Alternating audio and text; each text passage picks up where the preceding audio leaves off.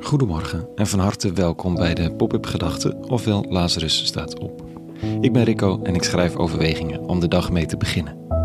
Vandaag met de titel Het is kiezen of delen. Pop-up Gedachten, woensdag 6 april 2022. Ik vraag me af waar die uitdrukking vandaan komt: kiezen of delen. En ik geloof dat het is voor kinderen die een overgebleven stuk taart moeten verdelen, bijvoorbeeld. Wil jij kiezen of wil je delen? En dat dan eentje mag delen, oftewel het overgebleven stuk in gelijke stukken delen, en dat dan de ander mag kiezen. Wat ervoor zorgt dat de deler de uiterste best zal doen om de stukken precies even groot te maken. Want anders gaat de ander er met het grootste stuk vandoor. Ervan uitgaande dat de kiezer in volkomen eigen belang zal kiezen.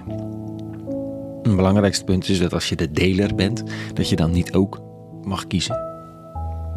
Nou, ik heb voorlopig nog even geen zin in taart. En de uitdrukking is meer iets gaan betekenen als het is het een of het ander. En ik moet eraan denken als het gaat over Jezus van Nazareth. Kijk, over het algemeen wordt hij beschouwd als een geschikte vent. Als iemand me vraagt, recent nog in een sauna, of ik mezelf christelijk zou noemen, zeg ik ja. En in de volledig verseculariseerde context van Amsterdam zeg ik er dan bij dat dit nog niet zo heel veel zegt over waar ik sta. Omdat ik met sommige niet-christenen meer verwant ben dan met sommige christenen.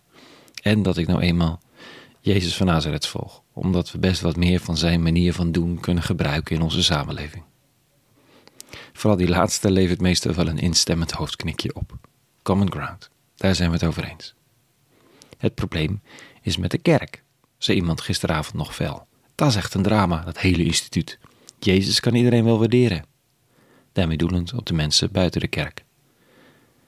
En dat is niet anders nu dan in Jezus dagen. De outsiders konden de beste man wel waarderen.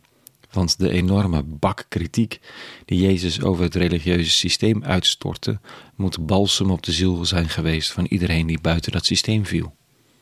Altijd fijn om zo iemand de bezem door de eigen traditie te zien halen. In Jezus' geval, letterlijk. Nou is het wel zo dat de diepe liefde bij Jezus van Nazareth voor wet en profeten, het hooghouden van elke punt en komma van de eigen Torah-traditie, misschien een beetje in contrast staat met het simpele schelden op kerk en dogma's. En je kunt die Jezus nog zo waarderen, maar als er geen vormen zijn om de inspiratie, het volgen of eren in te gieten, nou dan is het nog niet eenvoudig om het te verwerken in je leven. Waarom het kiezen of delen is. Vanochtend lees ik een uitspraak van Jezus en begrijp wel een beetje waarom de religieuzen van zijn dagen de grootste moeite hadden met hem. Hij zegt vanochtend tegen zijn tijdgenoten: Als u kinderen van Abraham bent, doet dan ook de werken van Abraham. Thans echter zoekt u mij, een mens, te doden, terwijl ik u de waarheid heb gezegd die ik van God heb gehoord. Zoiets deed Abraham niet. U doet de werken van uw vader. Ze zeiden hem, hallo, we zijn niet uit ontucht geboren. Eén vader hebben wij en dat is God. Jezus zei tegen hen, als God uw vader was, zou je mij lief hebben.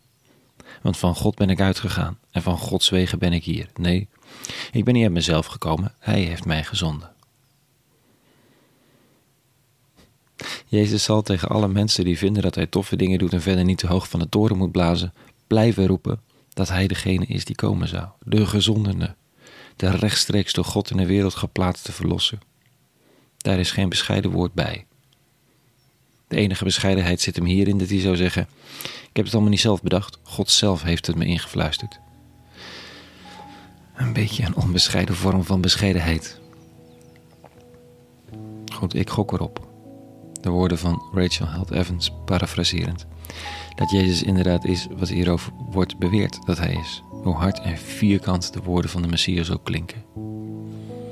Waarom? Omdat ik geloof in wat hij doet. En daarom het hoofd buig. Met de grootste moeite soms. Want buigen voor iets of iemand is nou helemaal niet mijn hobby. En toch. Tot zover vanochtend. Een hele goede woensdag gewenst. En vrede. En alle goeds.